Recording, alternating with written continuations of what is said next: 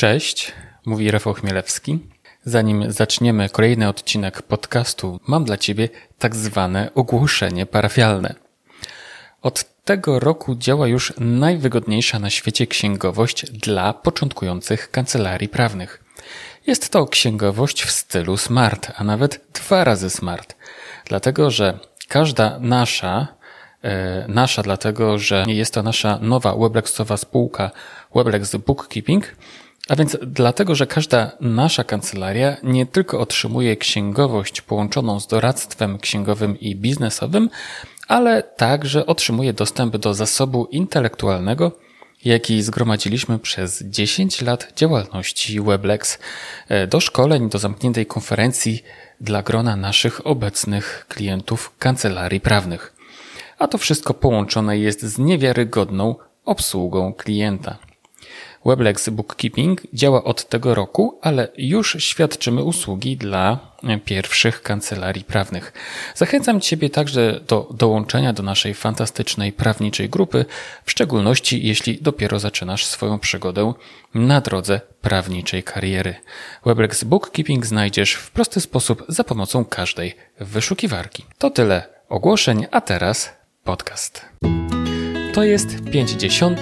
odcinek podcastu w drodze do kancelarii, w którym rozmawiam z doświadczonymi prawnikami, którzy niejedną wiosnę w Todze mają już za sobą. Witam Cię serdecznie, mówi Rafał Chmielewski.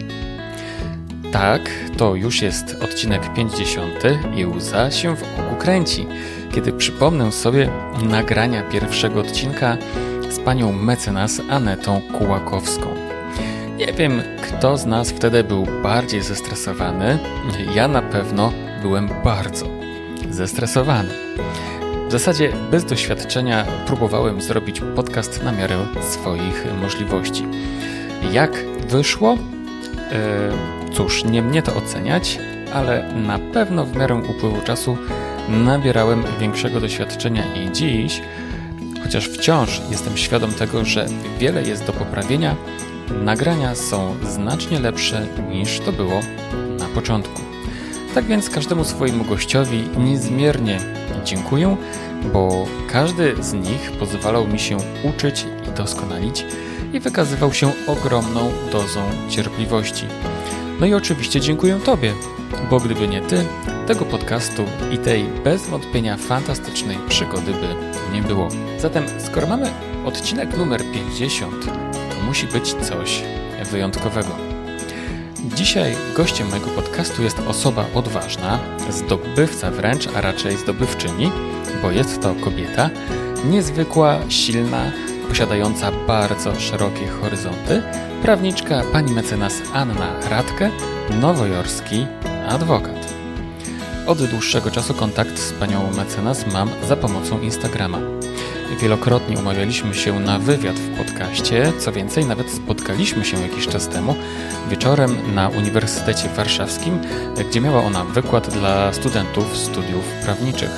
Jednak wciąż coś stawało nam na przeszkodzie, aby tę rozmowę przeprowadzić i nagrać. Ostatecznie jednak udało nam się razem zgrać i w sobotę po południu tutaj, rankiem w Nowym Jorku, połączyliśmy się za pomocą Messengera i nagraliśmy bardzo interesującą rozmowę na temat studiów prawniczych w USA oraz praktyki prawniczej po tamtej stronie Wielkiego Oceanu. Rozmawialiśmy m.in. o tym, jak wygląda studiowanie i nauka prawa w USA, na czym polega sokratejska metoda nauki, jak wygląda mentoring prawniczy w Stanach Zjednoczonych i jak tamtejsi prawnicy siebie nawzajem wspierają. Rozmawialiśmy też o tym, czy prawnik z Polski może zostać prawnikiem amerykańskim i w jaki e, sposób może tego dokonać o czym uczą się studenci studiów prawniczych podczas zajęć z tak zwanego prawniczenia, czy prawnicy amerykańscy wciąż prowadzą prawnicze blogi, co to znaczy connecting the dots? I jak ta metoda pomaga zdobywać klientów, w jaki sposób prawnicy z USA promują swoje kancelarie prawne oraz czy sztuczna inteligencja zastąpi kiedyś prawnika. Pani Anna Radke podpowie też, jaką ma radę dla początkujących kancelarii prawnych oraz czego nie warto robić na początkowym etapie prowadzenia swojej własnej kancelarii. Zapraszam Cię zatem do posłuchania naszej rozmowy, a ja dodam tylko tradycyjnie, że podcast w drodze do kancelarii jest jak zawsze słonecznie wspierany przez wyjątkowy, absolutnie wyjątkowy Weblex. Panie i panowie, pani mecenas Anna Radke. Gościem kolejnego odcinka podcastu w drodze do kancelarii jest nowojorska prawniczka, kobieta odważna, silna i wyjątkowa, pani mecenas Anna Radke. Cześć Aniu. Cześć Rafał. To jest kolejny podcast, w którym prowadzę rozmowę za pomocą e, Messengera, e, ale pierwszy raz, w którym mój gość jest po drugiej stronie oceanu. Powiedz Aniu, jak dziś wygląda dzień w Nowym Jorku? Jest słonecznie, dosyć chłodno, ale nie mamy mrozu tak jak w Warszawie. Aha. Jaki masz tytuł zawodowy? Jestem adwokatem w stanie Nowy Jork. Stan Nowy Jork to jest jednocześnie ten, to jest ten stan, w którym również znajduje się miasto Nowy Jork, tak? Tak. Tak. To nie jest tak jak z Waszyngtonem, że Waszyngton jest, miasto Waszyngton jest po e, wschodniej stronie, a e, stan po lewej, po zachodniej. Nie, miasto Nowy Jork to jest częścią stanu Nowy Jork, e, ale nie jest jego stolicą. O, a co jest stolicą stanu Nowy Jork? Albany, takie mniejsze miasto na północy stanu Nowy Jork. O, wszystko stoi na głowie w tej Ameryce. Mhm. Dosłownie i w przenośni. Od ilu lat jesteś adwokatem? To jest mój trzeci rok. E, czy prowadzisz swoją e, własną kancelarię, czy też współpracujesz e, z, w ramach jakiejś większej kancelarii? Nie, nie prowadzę samodzielnej kancelarii, współpracuję. Mhm. Czy to jest kancelaria, która ma również siedzibę w Nowym Jorku, czy, czy może gdzieś indziej? No. Ma też siedzibę w Nowym Jorku i w Los Angeles. Aha. Jeździsz, czy latasz czasami do Los Angeles? Rzadko. Mhm. Ale bywałaś pewnie nie raz. E, tak.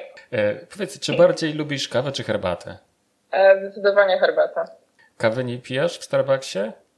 E, nie, nie lubię Starbucksa, generalnie kawę ze Starbucksa. E, kawę czasami pijam e, dosyć Aha, a dlaczego? rzadko. Aha, a dlaczego kawę ze Starbucksa nie lubisz? Smak ci nie odpowiada, czy coś innego może? Nie, moim zdaniem jest trochę za bardzo e, spalona. I ogólnie staram się E, nie kupować kawy w takich olbrzymich sieciówkach, w mhm. korporacjach. Mhm. Staram się wspierać mniejsze biznesy. Mhm. E, chociaż bardzo doceniam politykę tego, co Starbucks robi na całym świecie. Mhm, mhm. Znaczy powiem Ci szczerze, że ja, ja e, lubię kawę w Starbucksie, natomiast kiedy jestem tam po drugiej stronie oceanu, to mimo wszystko staram się unikać Starbucksa, dlatego że ja nie wiem, z jakiegoś powodu po prostu nie mam ochoty, wiesz, na Starbucksa. E, e, a myślę, że warto spróbować e, różnych kawiarni, żeby poczuć ich klimat i no dobrze, a słuchaj. Uh-huh. Poznać inny smak kawy. Mhm. Jasne, a słuchaj, a gdybyś miała polecić jakąś taką kawiarnię w Nowym Jorku, taką właśnie niesieciową, to, to którą mogłabyś polecić? Jest ich tak dużo, że nie wiem, czy mogę wybrać jedną. Kiedyś jak mieszkałam niedaleko Washington Square Park, hmm. tam była taka włoska kawiarnia Aha. Madman Espresso i tam zawsze też spotykałam się rano z Alekiem Baldwinem. Aha. E, później jak e, przeprowadziłam się na Brooklyn, e, to od pewnego czasu zaczęłam chodzić do kawiarni, właśnie teraz nawet z niej piję kawę, która się nazywa Devotion. Aha. No dobrze, Aniu, to zanim przejdziemy dalej, ja tylko powiem, jaka jest data. Dzisiaj jest 8 lutego 2020 roku, jest sobota. Tutaj jest po godzinie 16, a w Nowym Jorku jest po godzinie której? Po 10. Po 10. A więc w zasadzie dopiero zaczęłaś dzień. Kilka godzin temu, tak. No, a słuchaj, a jak, jak zaczynasz dzień? Od joggingu na przykład w Central Parku, czy... No nie, bo teraz na Brooklynie mieszkasz, tak? Nie, mieszkam na Manhattanie teraz, a, e, ale przez jakiś czas mieszkałam na Brooklynie.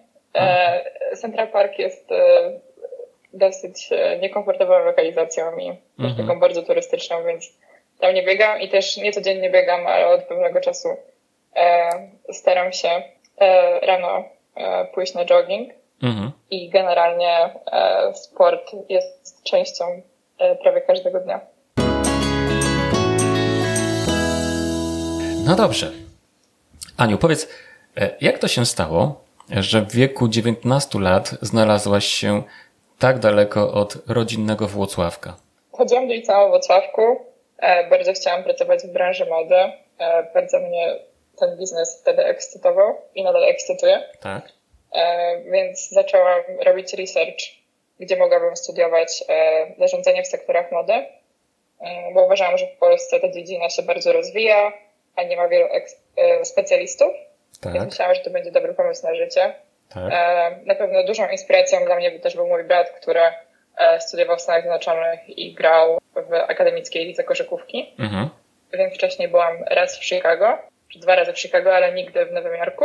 Tak. E, I udało mi się dostać na Fashion Institute of Technology w Nowym Jorku, jedna z najlepszych szkół e, w branży mody. I wsiadłam w samolot z Warszawy i przyleciałam po raz pierwszy do Nowego Jorku, gdzie nigdy wcześniej nie byłam i e, nikogo wcześniej nie znałam. Aha, czyli jakby trochę tak ścieżki przetarł twój brat, tak?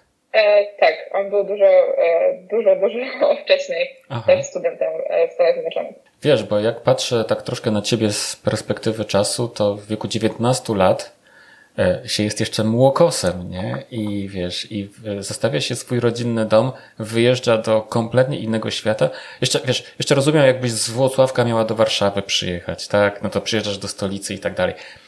Ale E, przekroczenie, wiesz, oceanu i pojechanie do Nowego Jorku to jest, e, wiesz, z perspektywy e, miasta, jakim jest Włocławek, to pewnie to jest jak podróż na Marsa co najmniej. Mniejsze miasto mnie nigdy nie ograniczało. Mhm. Na pewno nie była to łatwa decyzja, mhm. a w tej decyzji szczególnie podziwiam moich rodziców, którzy wierzyli we mnie i uważali, że jestem dojrzała na tyle, tak. żeby sobie poradzić w takiej wielkiej metropolii jak Nowy Jork. Wiesz, powiem Ci szczerze, że ja też w takim razie ich podziwiam.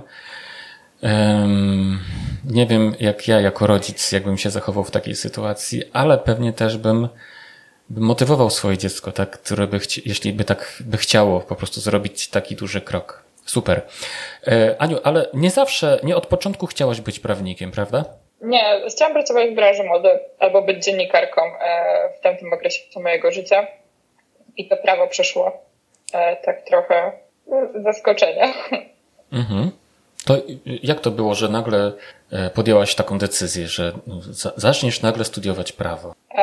E, w Stanach jest czteroletni i po nim uzyskuje się tytuł Bachelor of Science albo Bachelor of Arts. Ja będąc studentką na Fashion Institute of Technology, czy FIT w skrócie, zostałam asystentką profesora Guillermo Jimeneza, który uczył prawo mody mhm. na FIT. E, I on zainspirował mnie, e, żeby zdać egzamin e, na prawo w Stanach Zjednoczonych, co było dosyć nietypową decyzją dla studentów obcokrajowców. Ogólnie powinno zaznaczyć, że na prawo w Stanach nie można iść od razu, najpierw trzeba skończyć czteroletni college, żeby w ogóle było można aplikować na prawo. Aha, a ten college to może być jakikolwiek, czy, czy związany właśnie ze studiami prawniczymi późniejszymi? Nie, obojętnie, więc e, studia prawnicze są na tyle ciekawe, że e, wszyscy studenci mają bardzo różne e, doświadczenia z college'u. Czasami studiowali biologię, chemię, Aha. modę, sztukę, Aha. angielski i historię, wszystkie kierunki. Mhm, mhm. Okej, okay. i po takim koledżu idziesz na studia prawnicze, które wyglądają jak wtedy? To są studia, które się nazywają Juris Doctor i to są studia doktoranckie. Są to studia trzyletnie Aha. E, na pierwszym roku jest, e, są narzucone przedmioty, które trzeba wziąć. Są takie podstawowe przedmioty prawnicze, jak prawo karne, postępowanie cywilne, Aha. postępowanie karne, prawo konstytucyjne mhm. i tego typu przedmioty. Mhm. Zajęcia są na ogół 40-50 osobowe i nauczane są metodą sokratejską. Ogólnie system amerykański jest systemem common law, czyli opiera się na precedensach. Tak. Na każde zajęcia trzeba przygotować kilka, kilkanaście takich precedensów i profesor te wybrane osoby z tych precedensów i uczy od szczegółu do ogółu, czyli nie przedstawia pewnej doktryny, tylko na podstawie tych precedensów sami musimy e, dojść do tego, jakie są e, reguły prawne obowiązujące w Stanach Zjednoczonych. O kurczę, mm, bardzo ciekawe, interesujące, bo ja rozumiem, że takie... Jest to dosyć stresujące, e, no. jeżeli nigdy się nie wie, kto profesor kogo zapyta i te pytania są bardzo wnikliwe i wymagają że na to wygląda trochę tak, jakby sąd pytał adwokata e, o szczegóły sprawy i żeby ta osoba przedstawiła argumentację e, za tym e, precedensem. Słuchaj, to jest w ogóle fascynujące, bo wiesz, tutaj studia prawnicze to głównie opierają się na tym, że po prostu uczysz się, uczysz, czytasz, czytasz, czytasz, czytasz, wkuwasz, wkuwasz, wkuwasz, wkuwasz i na końcu przychodzisz na egzamin, nie? A u ciebie, albo, albo w Stanach Zjednoczonych, tak? Trzeba po prostu od samego początku umieć mówić, umieć wyartykułować y, swoją myśl, umieć ją też w jakiś sposób udowodnić. Nie? To jest, y, uważam, że to jest niezwykle cenna w ogóle umiejętność. Słuchaj, a czy to jest właśnie ta metoda sokratejska, o której wspomniałaś? Tak, to jest właśnie metoda sokratejska. Mhm. Mhm. No dlatego prawnicy w Stanach Zjednoczonych widocznie są tacy wygadani już, jak już kończą takie studia. Okej, okay. Aniu, czyli nie, nie zawsze chciałaś e, być prawnikiem, ale od początku przyjazdu do USA chciałaś pracować w branży modowej, prawda? I e, gdzie pracowałaś na samym początku? Jeszcze będąc e, w koledżu, moje pierwsze praktyki były w wtedy niewielkim showroomie w Chinatown na Manhattanie, który nazywał Mariam Nasi w Zadach. Mhm. Teraz jest już trochę większym showroomem. Tak. W międzyczasie też pisałam e, artykuły do różnych polskich magazynów modowych. Aha. Tak po trzecim roku studiów udało mi się dostać na praktyki do amerykańskiego Woga. A już później, będąc na studiach prawniczych, miałam praktyki w kancelarii w Los Angeles, e, w Thomson Reuters, mhm. E, w Dentons w Warszawie, w kancelarii w Nowym Jorku jeszcze jednej tak. i w coachu korporacji, która teraz się nazywa Tapestry jest mhm. właścicielem właśnie marki Coach, Stuart Weitzman i Kate Spade. Powiedz Aniu, czy um, bardziej jesteś takim prawnikiem procesowym, czy raczej wolisz pracować z klientami, e, e nie wiem, może bardziej uczestniczysz w negocjacjach, w spisywaniu opinii, umów i tak dalej? Generalnie jestem e, prawnikiem transakcyjnym, który obsługuje różne firmy i pomaga w tych kwestiach, o których wspomniałeś, osobom indywidualnym. Mhm. A co do procesów, to do tej pory do czynienia miałam głównie z procesami administracyjnymi przed USPTO, czyli Urzędem Patentowym USA mhm. E, i przed Urzędem Imigracyjnym USA. Mhm. Byłam również prawnikiem typowo procesowym w jednej sprawie, ale generalnie w Stanach Zjednoczonych jest tak, że prawnicy specjalizują się i albo są prawnikami procesowymi, albo są prawnikami transakcyjnymi. A ja w mhm. związku z tym, że pomagam w codziennej obsłudze różnych firm, to myślę, że będę szła w tą stronę, że będę prawnikiem transakcyjnym. Mhm, mhm. E, a nie powiedz, czy absolwent studiów prawniczych w Polsce może zostać adwokatem w Stanach Zjednoczonych? Tak, może. Nie we wszystkich Stanach, ale na przykład w Nowym Jorku może skończyć dziewięciomiesięczne studia LLM, ale też nie każdy LLM, więc każdy LLM na swojej stronie będzie informował e, tych, co aplikują, czy, czy pozwala podejść do nowojorskiej, nowojorskiego egzaminu adwokackiego. Tak. E, wiem, że w niektórych stanach jest też możliwość że jeżeli już ma się uprawnienia, czyli jest się na przykład adwokatem albo radcą prawnym, tak. to można podejść e, do egzaminu. Chyba Kalifornia e, pozwala mhm. E, w taki sposób. Mhm. Mhm. E, czy... A niektórzy obcokrajowcy czy prawnicy zagraniczni decydują się też pójść na te trzyletnie studia Juris Doctor, mhm. bo to po prostu ułatwia im zrozumienie amerykańskiego systemu. Mhm. Bardzo trudno jest dostać pracę w Stanach Zjednoczonych tylko po LLM-ie. Jasne. Jasne. A ilu w ogóle jest prawników w Nowym Jorku? E, myślę, że nie znam dokładnych statystyk, ale około 180 tysięcy. Na serio? tak. Na se- wow. Wow. To ale to chyba chodzi o stan Nowy Jork, nie tylko o miasto. Okay, ale myślę, że będzie. większość z nich jest wtedy w Nowym, Nowym Jorku, jako w mieście Nowy Jork. Okej, okay. ale wiesz, jeśli wziąć pod uwagę, że każdy stan w Stanach Zjednoczonych to jest takie powiedzmy sobie odrębne państwo, tak? Troszkę. To na przykład w Polsce, nie, tak. mhm. w Polsce nie ma 180 tysięcy prawników, nie?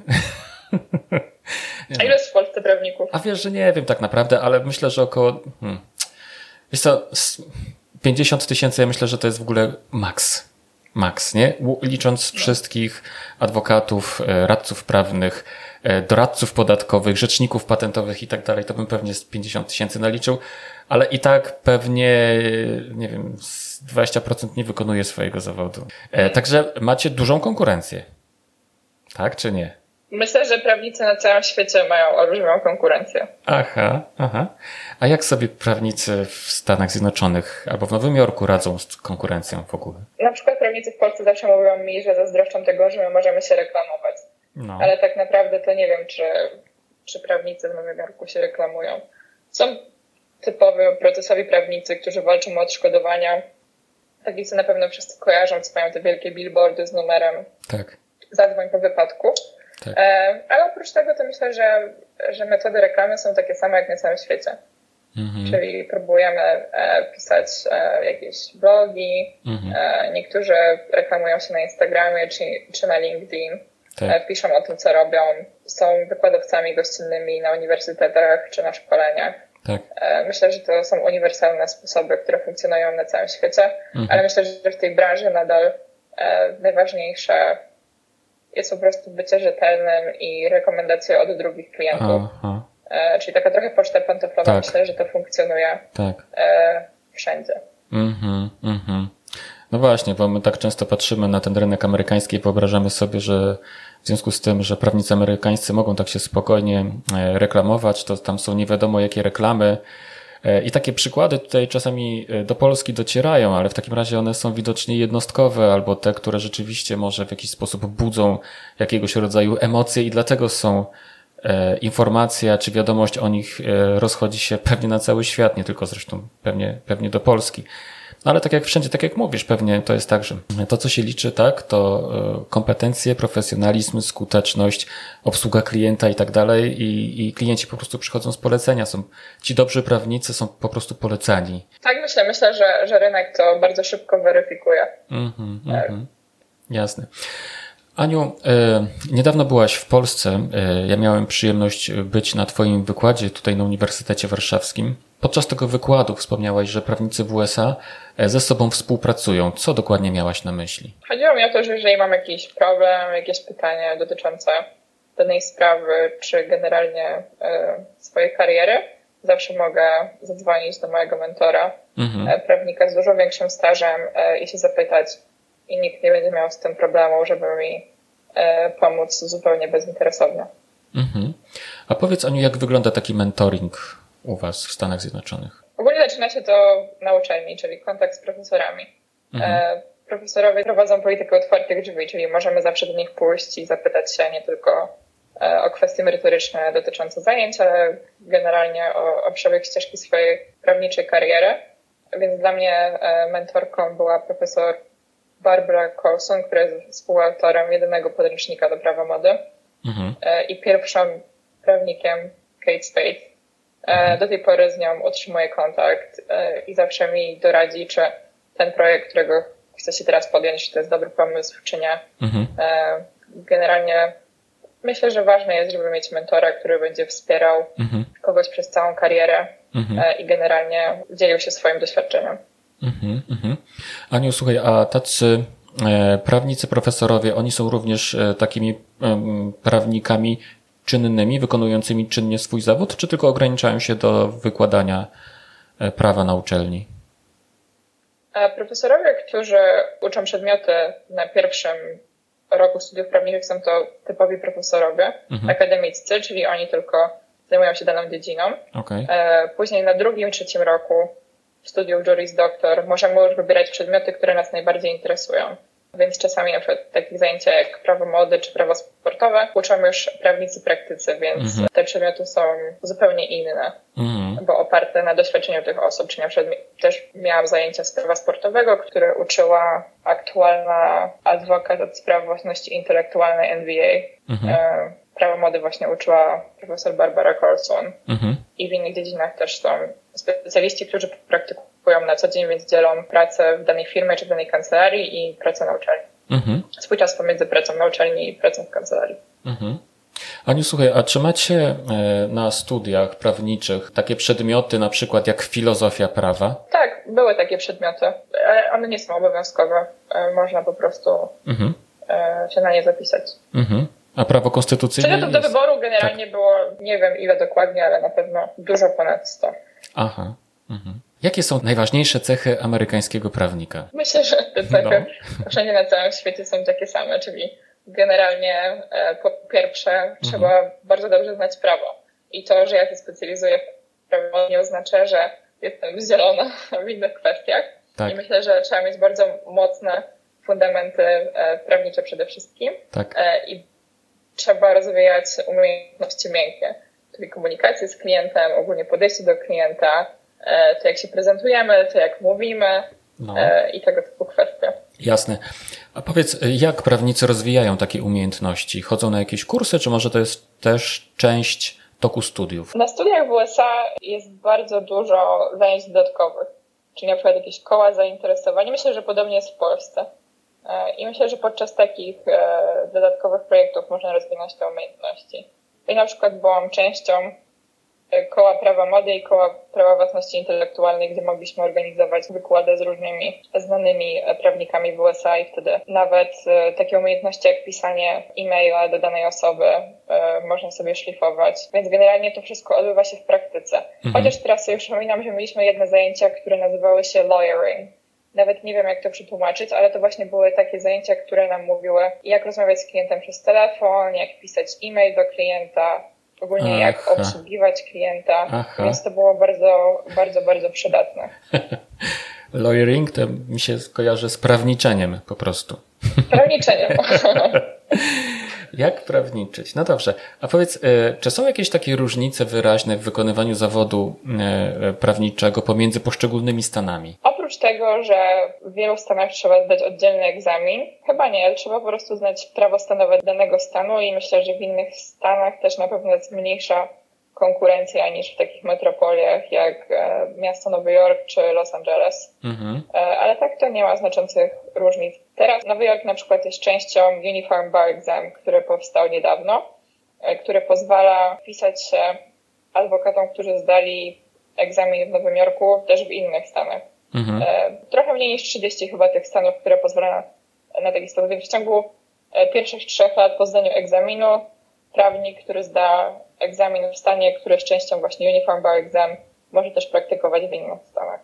Co mhm. jest dosyć nowym podejściem e, w Stanach, bo do tej pory każdy stan miał oddzielne e, zasady. Mhm, mhm. Aniu, a powiedz, czy prawnicy w USA prowadzą prawnicze blogi? Tak, jak wspominałam, tak. Duże kancelarie, na przykład każda grupa prowadzi swojego bloga, który ma na celu informowanie klientów o zmianach w danej dziedzinie. E, mhm. Mniejsze kancelarie też czasami prowadzą blogi. Mhm. Wszystko chyba na celu po to, żeby, żeby informować klienta o zmianach, które następują w danej dziedzinie prawa. Mhm. Ale wiesz co, ja ci powiem tak, bo my w Weblexie oczywiście jakby podstawą jest to, że, że pomagamy kancelariom prawnym rozwijać się za pomocą prawniczych blogów. E, I Weblex powstał 10 lat temu, to był rok 2010. E, tutaj te, te blogi prawnicze zaczęły powstawać, zresztą e, ja sam pracując w KPMG w dziale podatków międzynarodowych rozpocząłem właśnie swoją przygodę od, od prowadzenia bloga podatkowego. I wtedy właśnie 10 lat temu blogi prawnicze w Stanach Zjednoczonych cieszyły się ogromną popularnością, powstawały jak grzyby po deszczu. E, w Seattle jest taka firma Alex Blog, pewnie kojarzysz Kevina O'Keefe. Mhm. I on głównie się zajmował e, blogami prawniczymi, nie tylko w Stanach, ale w ogóle na świecie.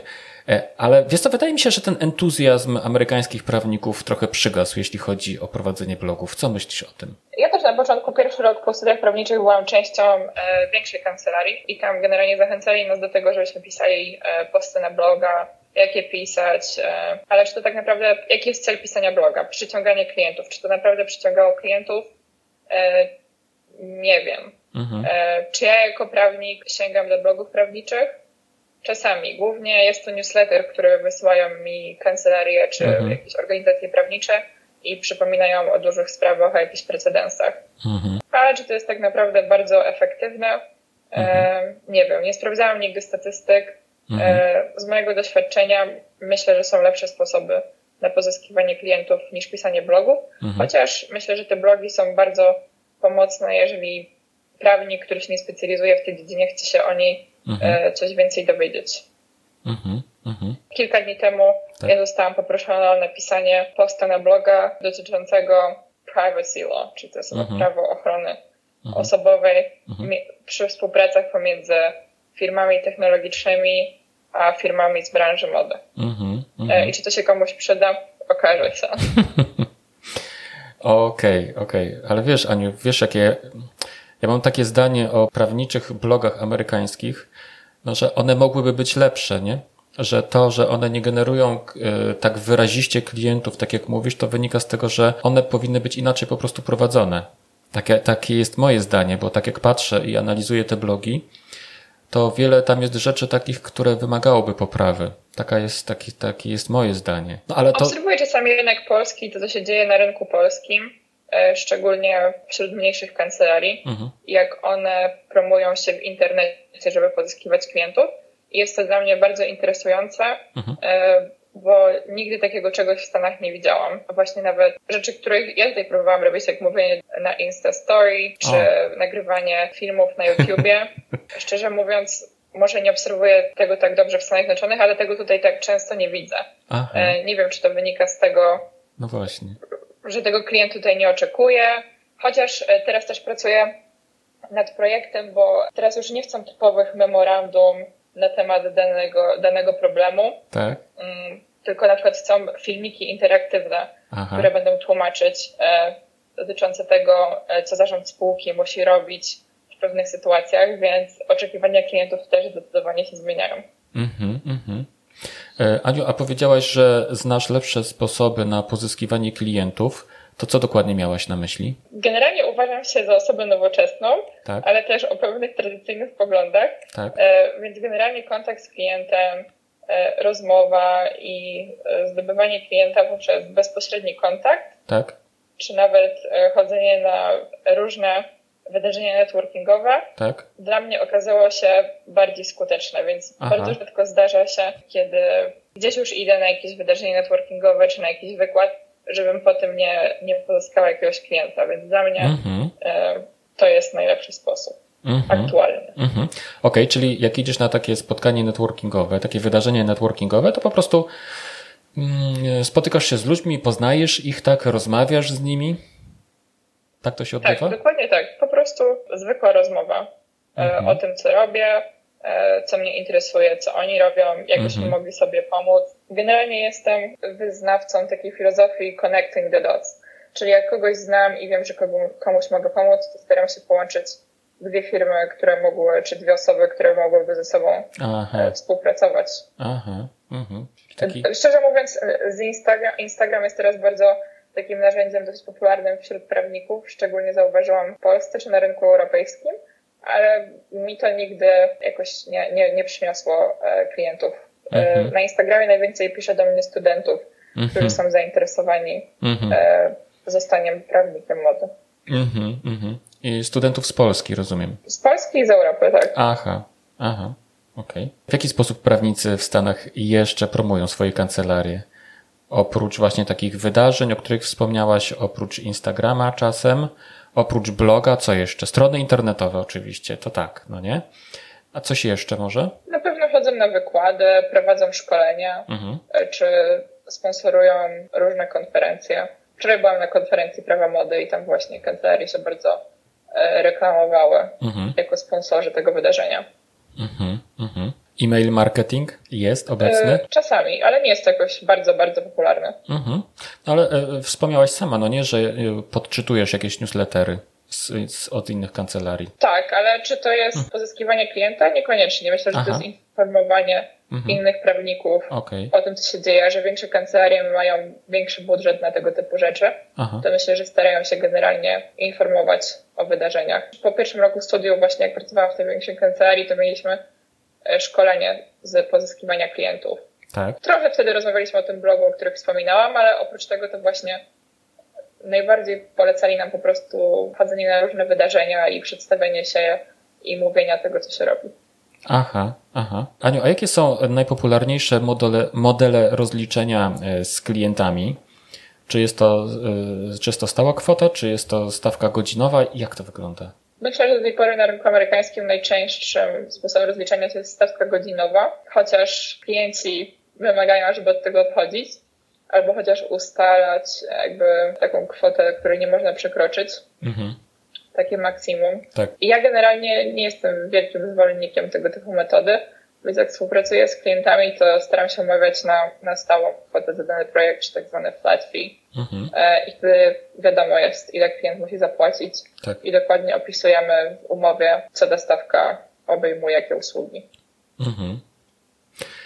Chociaż tradycyjnie wszystko zawsze było rozliczane godzinowo w Stanach i nawet jak się pracuje w tych większych pędzleriach, na przykład w pierwszym roku, to każdą minutę swojej pracy trzeba logować w systemie, tak samo jak to w kancelariach w Polsce. Mhm. I jest wymóg określonej liczby godzin mhm. pracy z klientem, którą trzeba wyrobić w danym roku. Mhm. Aniu, tak jeszcze wspomnę o wykładzie, y, na którym byłaś, bo mówiłaś kilka razy, powtórzyłaś takie słowo, mówiłaś o świadomości. Świadomości prawników amerykańskich, czy świadomości właścicieli firm? Co dokładnie miałaś na myśli? Myślę, że najpierw chodziło mi generalnie o świadomość, że prawnikiem w Stanach zostaje osoba, która jest świadoma swojego wyboru, mhm. ale to też system, który tutaj jest, tego wymaga, bo najpierw dana osoba jest w koledżu, później czasami trochę pracuje, albo nawet jeżeli mhm. po tym koledżu odrębuje to prawo, to już ma jakieś doświadczenie zawodowe i jest świadoma swojej decyzji. Mhm. Wybiera prawo z pewnych konkretnych względów. Ale chodziło mi też o świadomość generalnie na rynku, że firmy czy osoby jednak sięgają do tych prawników i bardzo ich sobie cenią w swojej pracy. I tak samo jak się zatrudnia osobę od marketingu na początku działalności firmy, e, to tak samo tutaj firmy sięgają e, po prawnika. Czyli jakby e, w momencie, kiedy firma powstaje, czy jest w planach, tak, to w planach od razu myśli się też o zatrudnieniu prawnika. To jest jakby jedna z podstawowych części przedsiębiorstwa, które powstaje. Prawnik, dział prawny. Na dział prawny na początku firmy może nie stać, tak? ale taką zewnętrzną kancelarię zawsze sobie zatrudniają do obsługi. Ale może to też wynika z tego, że prawo w Stanach Zjednoczonych jest bardzo skomplikowane, bo jest prawo stanowe i prawo federalne tak. i są różne dziedziny prawa i wiele specjalizacji. I tu też są olbrzymie kary finansowe za każdy błąd prawny, który się popełni, więc może dlatego firmy mm-hmm. chętnie sięgają po prawników, który staje się częścią e, ich zespołu, mm-hmm. żeby uniknąć problemów, które tak naprawdę zapobieganie jest zawsze dużo lepsze niż później rozwiązywanie mm-hmm. problemu. No tak, to jest rzecz oczywista. Słuchaj, a wiesz co, a chciałem cię jeszcze zapytać, jacy są e, prawnicy, prawnicy polskiego pochodzenia, a to dlatego e, mnie interesuje mnie strasznie odpowiedź na to pytanie, gdyż e, za każdym razem jak jechałem do Nowego Jorku, to wiesz, chciałem się umówić z jakimś polskim prawnikiem na, na podcast, tak jak mi się teraz z tobą udało umówić. E, e, ale wiesz, ja zawsze wolę spotkanie takie, wiesz, w cztery oczy, tak? E, także, tak jak, tak, tak jak ty też jestem trochę taki, wiesz, bardziej konserwatywny. Więc wolałem spotkanie w cztery oczy i chciałem się umówić z, z różnymi prawnikami, którzy wiem, że są pochodzenia polskiego w Nowym Jorku, ale powiem ci szczerze, żaden i żadna z nich nawet nie raczyła mi odpowiedzieć na, na mojego maila, na, na zapytanie. Zacząłem się zastanawiać, dlaczego tak jest. E, może ty znasz odpowiedź na to pytanie? To bardzo ciekawe. Tak szczerze mówiąc, nie znam prawników polskiego pochodzenia w Stanach. Mhm. Znam tylko jedną osobę, mhm. która zawsze mi szybko odpowiada. I to jest też ciekawe, bo myślę, że w Stanach generalnie ludzie odpowiadają na e-maile. Nawet jak pamiętam, byłam jeszcze studentką na FIT i pisałam do różnych osób na wysokich stanowiskach w branży mody, to te osoby często mi odpisywały, więc Mhm. Nie wiem, z czego to wynika. Mm, Ciekawe. Może po prostu byli zajęci. Nie wiem, e, trzeba czasami się dobijać kilka razy, żeby do, do kogoś się dostać, więc e, ciężko mi powiedzieć, ale generalnie jestem jedną osobą, która jest partnerem w dużej kancelarii. Mhm. Miałam do czynienia, to miałam e, dobre doświadczenie. Mhm, mhm. No ciekawe, ciekawe. To w takim razie tak sobie myślę, że może te moje wiadomości wpadały do jakiegoś spamu. Może jakieś macie dzikie filtry spamowe tam w Nowym Jorku? Może nie wiem, nigdy nie miałam okazji współpracować z polskimi czy prawnikami mm -hmm. polskiego pochodzenia mm -hmm. w Stanach. Mm -hmm. Może i dobrze. No, w Polsce czasami piszę do polskich prawników i oni mi odpisują. No tak, ale wiesz, jak Anna Radke, mecenas z Nowego Jorku pisze, to tutaj już każdy się do ciebie odezwie, nie? Ale jak pisze Rafał Chmielewski eee, do adwokata eee. w Nowym Jorku, to już niekoniecznie. No. Nie wiem, bo nie wiem, mogą, mogą, mogą być różne powody, nie, nie wiem, co mogę ci na ten temat powiedzieć, okay. ale może spróbuję jeszcze raz po prostu. A może tak, następnym razem. Mhm. U nas dużo się mówi coraz więcej na temat sztucznej inteligencji i też sztuczna inteligencja powoli wkracza do, do naszej branży. Przewiduje się, iż ona bardzo zmieni to, w jaki sposób prawnicy wykonują e, swój zawód. Niektórzy e, wieszczą, iż w ogóle zawód prawnika odejdzie w niepamięć jak tylko sztuczna inteligencja się wystarczająco e, dobrze rozwinie. Natomiast co ty uważasz, co ty myślisz na ten temat? Jak, jak według ciebie sztuczna inteligencja wpłynie na to, jak wykonujemy swój zawód? jako prawnicy. Wczoraj właśnie rozmawiałam ze znajomym, który był na jednej z największych konferencji dotyczących rozwoju technologii w branży prawniczej. No. E, I rozmawialiśmy o tym, że tych rozwiązań jest coraz więcej. Są e, różne aplikacje, które analizują precedensy. E, są teraz przecież te smart contracts, czyli umowy, które tak. praktycznie mogą powstać same za pomocą technologii. Tak. Kuli jest też taką wiodącą kancelarią w Stanach Zjednoczonych, która ma taki cały swój system, czyli na przykład wszystkie dokumenty dotyczące E, rejestracji spółki i tak dalej. Oni to tłumaczą na swojej stronie internetowej, to jest wszystko takie interaktywne, mhm. wprowadzają takie rozwiązania. Tak. Więc tego jest multum. Mhm. E, ale czy to zastąpi pracę prawnika? Wątpię. Są to wszystkie narzędzia, które pozwalają i usprawniają pracę prawnika, ale myślę, że e, taka intuicja, którą ma prawnik z doświadczeniem, czy niektórzy się z tym rodzą, mhm. i takie chłodna ocena sytuacji. Myślę, że to jest mhm. niezastąpione i żadna technologia e, nie będzie w stanie mhm. po prostu zwalczyć tego. E, zawód prawnika myślę, że będzie istniał zawsze, ze względu na to, że są pewne cechy, których nawet technologia nie jest w stanie zastąpić. Mhm, mhm. Wiesz co, mam dokładnie takie same zdanie jak ty. E, wydaje mi się, że jeżeli sztuczna inteligencja będzie mogła nas E, zastąpić, to wtedy, albo w takich sytuacjach, kiedy na przykład moja lodówka będzie potrzebowała pomocy prawnej, to wtedy może pójdzie do takiego prawnika, mhm. który będzie rodem z Matrixa czy tam z czegoś innego, no nie? Ale, ale póki jesteśmy ludźmi, to będziemy po prostu potrzebowali pomocy drugiego człowieka, pomocy po prostu prawnika z krwi i kości, a nie, a nie jakiejś, jakiejś maszyny, algorytmu, aplikacji czy nie wiadomo czego.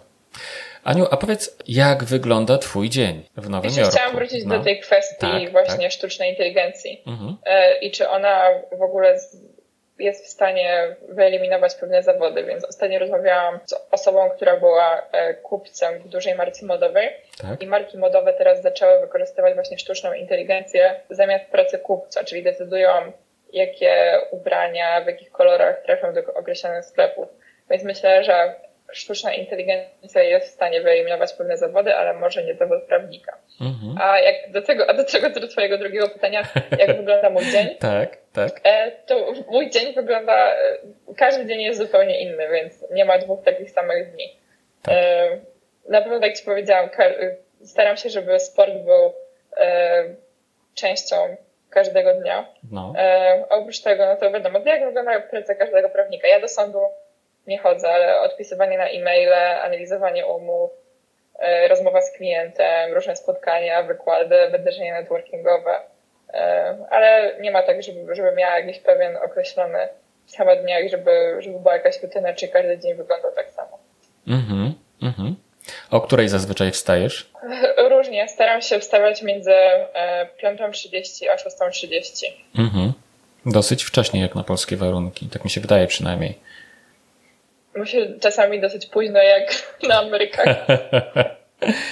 Okej, okej. Okay, A, a przeważnie co robisz w, w weekendy? Staram się chodzić na e, mecze koszykówki, albo mecze NBA, albo mecze NCAA, czyli Ligi Akademickiej. No. E, spotykam się z moimi znajomymi. Mhm. To jest takie typowo nowojorskie, typowo weekendowe zajęcie, chodzę na brunch, Aha. czy tego typu rzeczy. Mhm, mhm. A gdzie w Nowym Jorku lubisz najbardziej bywać? Myślę, że, że nie mam takiego jednego ulubionego miejsca. Bardzo lubię Brooklyn, szczególnie Dumbo, mhm. E, Brooklyn Heights, mhm. E, czy Fort Greene, te dzielnice. One są takie dosyć spokojne. Mhm. Jest tutaj dużo sztuki. Tak. Można chodzić na różne koncerty, e, tak. takie kameralne, więc taki styl mi się podoba. A generalnie Nowy Jork to mi się wydaje, że to jest jakby kilkadziesiąt małych miasteczek, każda dzielnica jest e, tak. bardzo różna. Tak. Ale w weekend e, lubię odpocząć, zaplanować każdy kolejny tydzień. Czasami zdarza mi się też pracować w weekend, więc różnie to było. Mhm, mhm. Masz rację, że, że Nowy Jork to jest takich, takie, tak złożony z takich miasteczek. Nie sam Manhattan przecież też ma kilka takich poddzielnic, można by powiedzieć, nie? Każda z A nich ty ma mówisz, że byłeś w Nowym Jorku. Ja, ja, jak, jakie miejsce ci się najbardziej podobało? Wiesz co? Szczerze mówiąc, to nie wiem, bo, bo wszystkie mi się równie podobały i nie podobały zarazem, no nie? Najczęściej, najwięcej czasu spędzałem w Chelsea, wiesz? Tak naprawdę. Uwielbiam y, Chelsea, Mar Chelsea Market, tak? Tak to się nazywa? Mhm. Nie pamiętam już. Y, Lubię tam chodzić. Tam jest bardzo fajny klimat. Jak jest dużo ludzi w szczególności, no nie?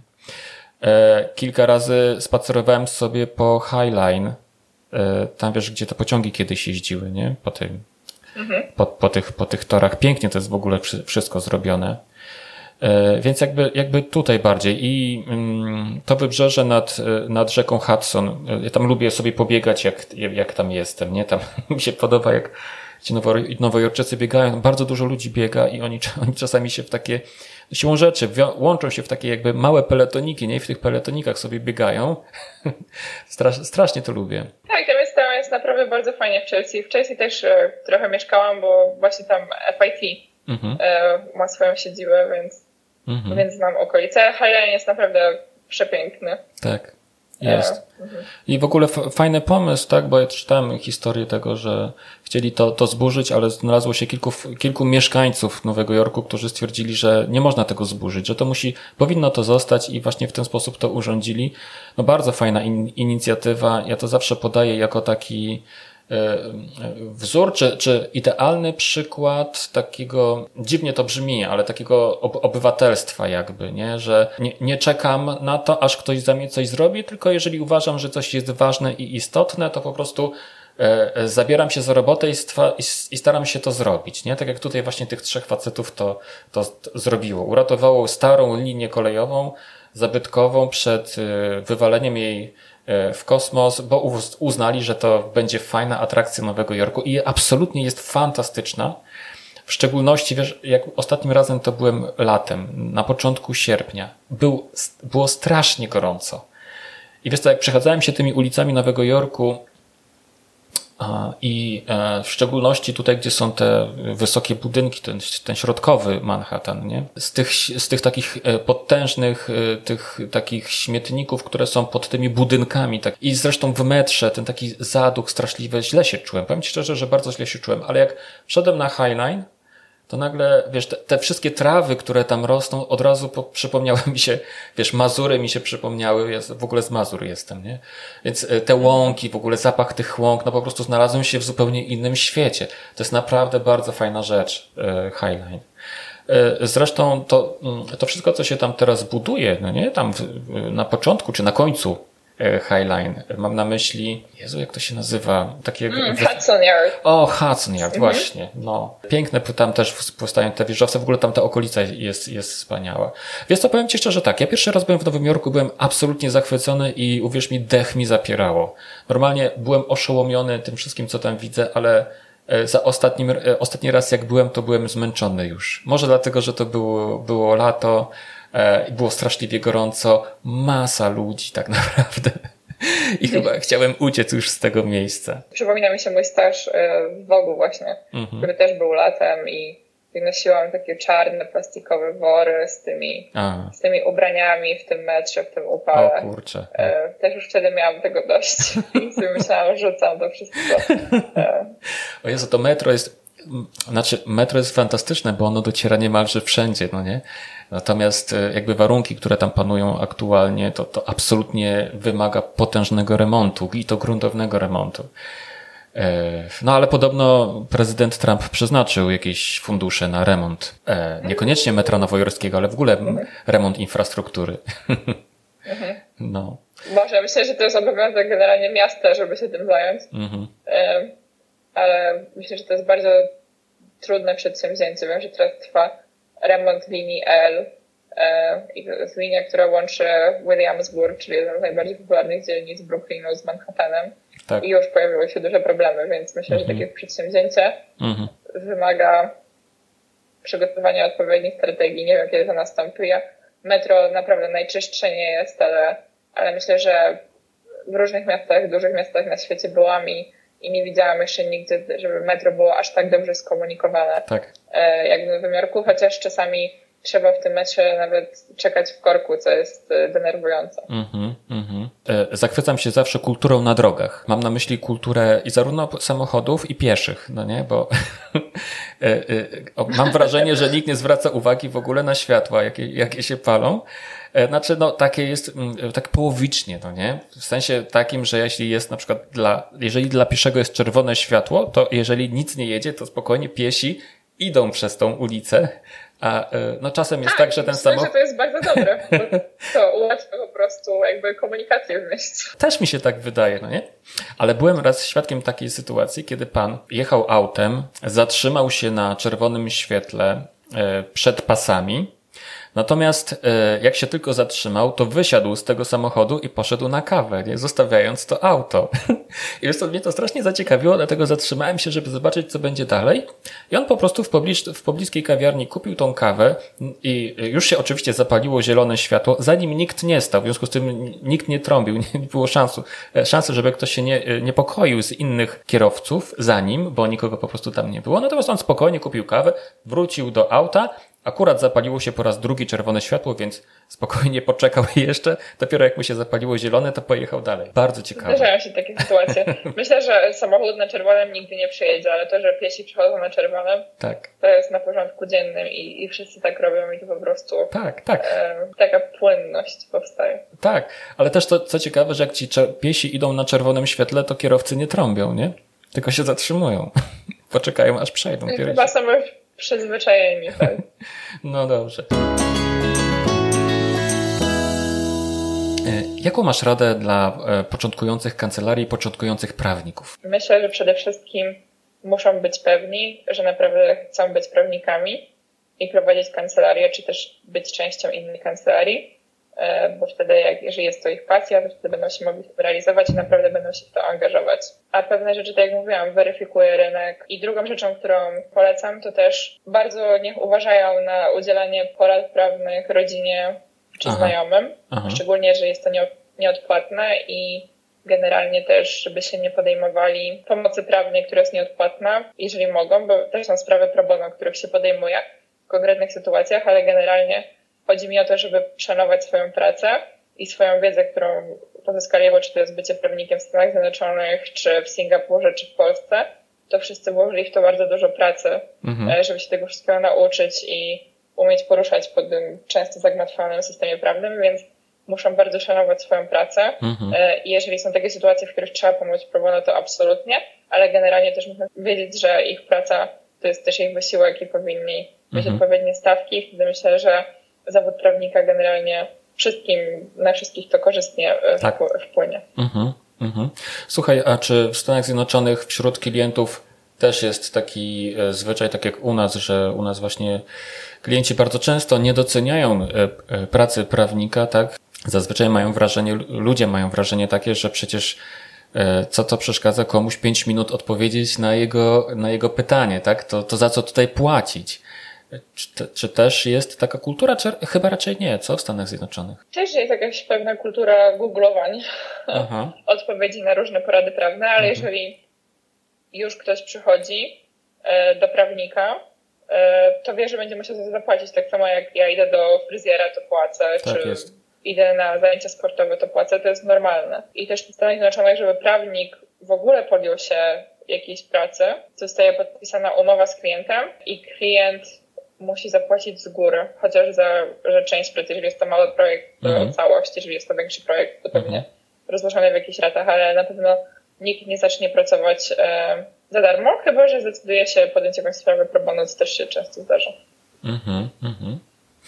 E, czego według Ciebie początkujący prawnicy powinni unikać? Właśnie nieodpłatnej pracy mhm. albo pozyskiwania klienta na siłę, czyli powiedzmy na przykład mhm. ktoś mówi, o porada prawna, nie wiem, 300 zł, a ta osoba zdecyduje się to zrobić za 50 zł, żeby mieć tylko tego klienta. Mhm. Wiem, że trzeba zdobywać doświadczenie, mhm. ale trzeba też znaleźć jakiś złoty środek pomiędzy tym i też wiedzieć, ile wysiłku i pracy i w ogóle edukować całe społeczeństwo, mhm. E, że bycie prawnikiem to jest długi proces, bo to są pięcioletnie studia w Polsce i później aplikacja, czy zrobienie doktoratu i wpisanie się na listę adwokatów czy radców prawnych, więc myślę, że generalnie jako, jako prawnicy powinniśmy mówić jednym głosem i, i starać się mieć te określone stawki za to, ile wkładam pracy, tak samo, bo co z tego, że ta rozmowa z klientem będzie trwała 15 czy 30 minut, czasami godzinę,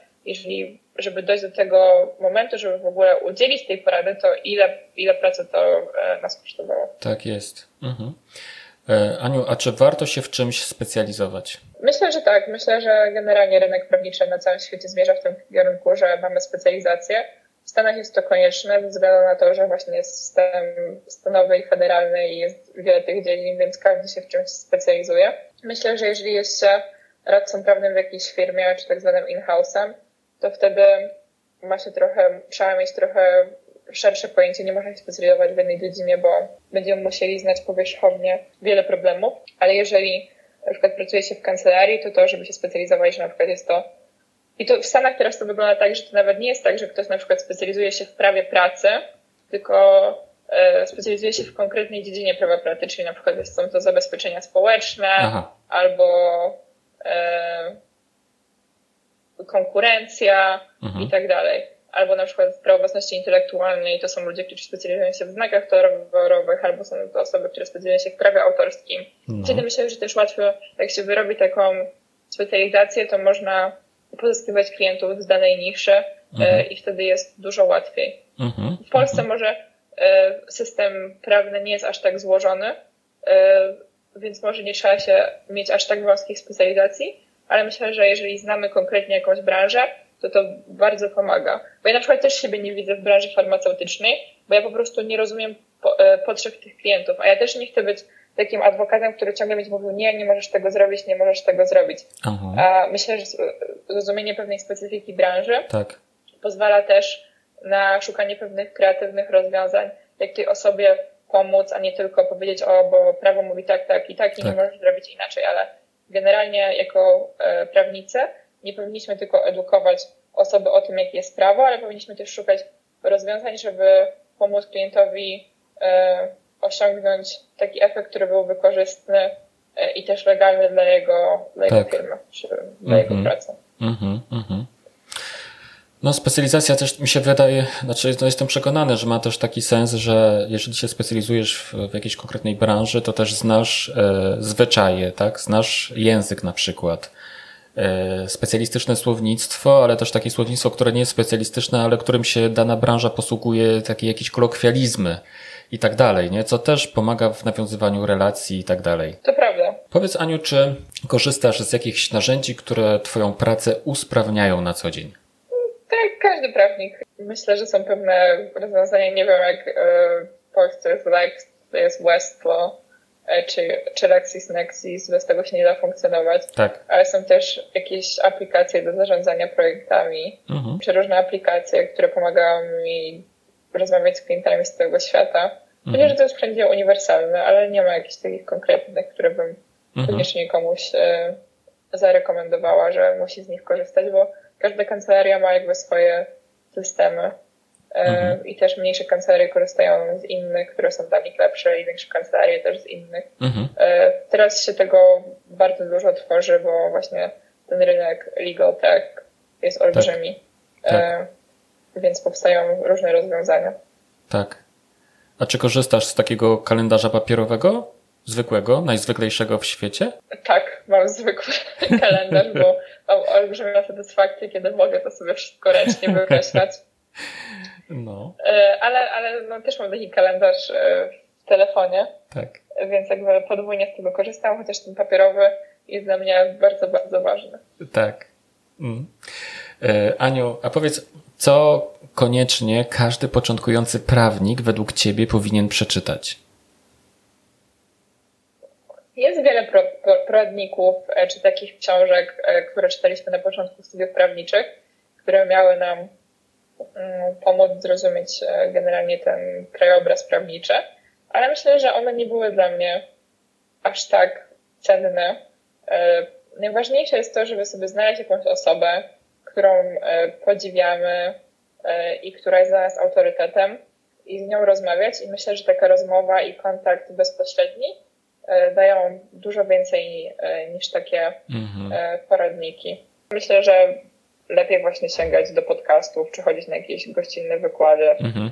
danych osób, albo, albo czytać blogi. Mhm. Bo myślę, że to, że, że to się tak wszystko zmienia w dzisiejszej w dobie internetu, mhm. że łatwiej jest sięgnąć do treści, które są w internecie, bo te, tak. które są publikowane zanim w ogóle zostaną opublikowane, to już może będą nieaktualne. Mhm, mhm, jasne. Aniu, a jakie masz marzenia? Myślę, że marzeń się nie zdradza, mhm. żeby się spełniły.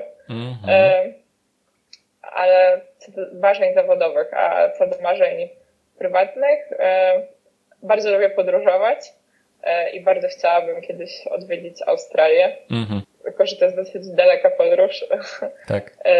Więc zobaczymy, kiedy mi się to uda zrobić. Mhm. A chciałabyś kiedyś wrócić do Polski? Wiesz, to kwestia bardzo złożona, czy, czy kiedyś wrócę do Polski, czy nie. Cała moja rodzina mieszka w Polsce. Życie z dala od rodziny jest bardzo, bardzo trudne i jest największym moim wyzwaniem w Nowym Jorku. Mhm więc zależy od tego, jak się ułożą kwestie rodzinne. Może, mhm. może kiedyś e, wrócę do Polski, mhm. chociaż jestem e, prawnikiem w USA, więc musiałabym sobie znaleźć jakąś inną ścieżkę kariery w Polsce. Mhm. Bo nie wiem, czy, czy mogłabym robić to, co robię. Mhm.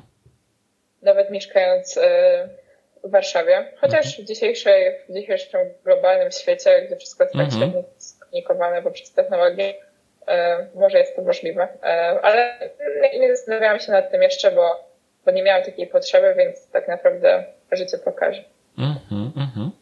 Aniu, to wszystko, o co chciałem Cię zapytać. Bardzo Ci dziękuję za czas, który e, poświęciłaś mi i, i, i naszym słuchaczom. Ja tylko przypomnę, że gościem kolejnego odcinka podcastu w drodze do kancelarii była pani mecenas Anna Radke, nowojorska prawniczka, nowojorski adwokat. Aniu, dziękuję Ci serdecznie. Bardzo dziękuję za zaproszenie. Dzięki.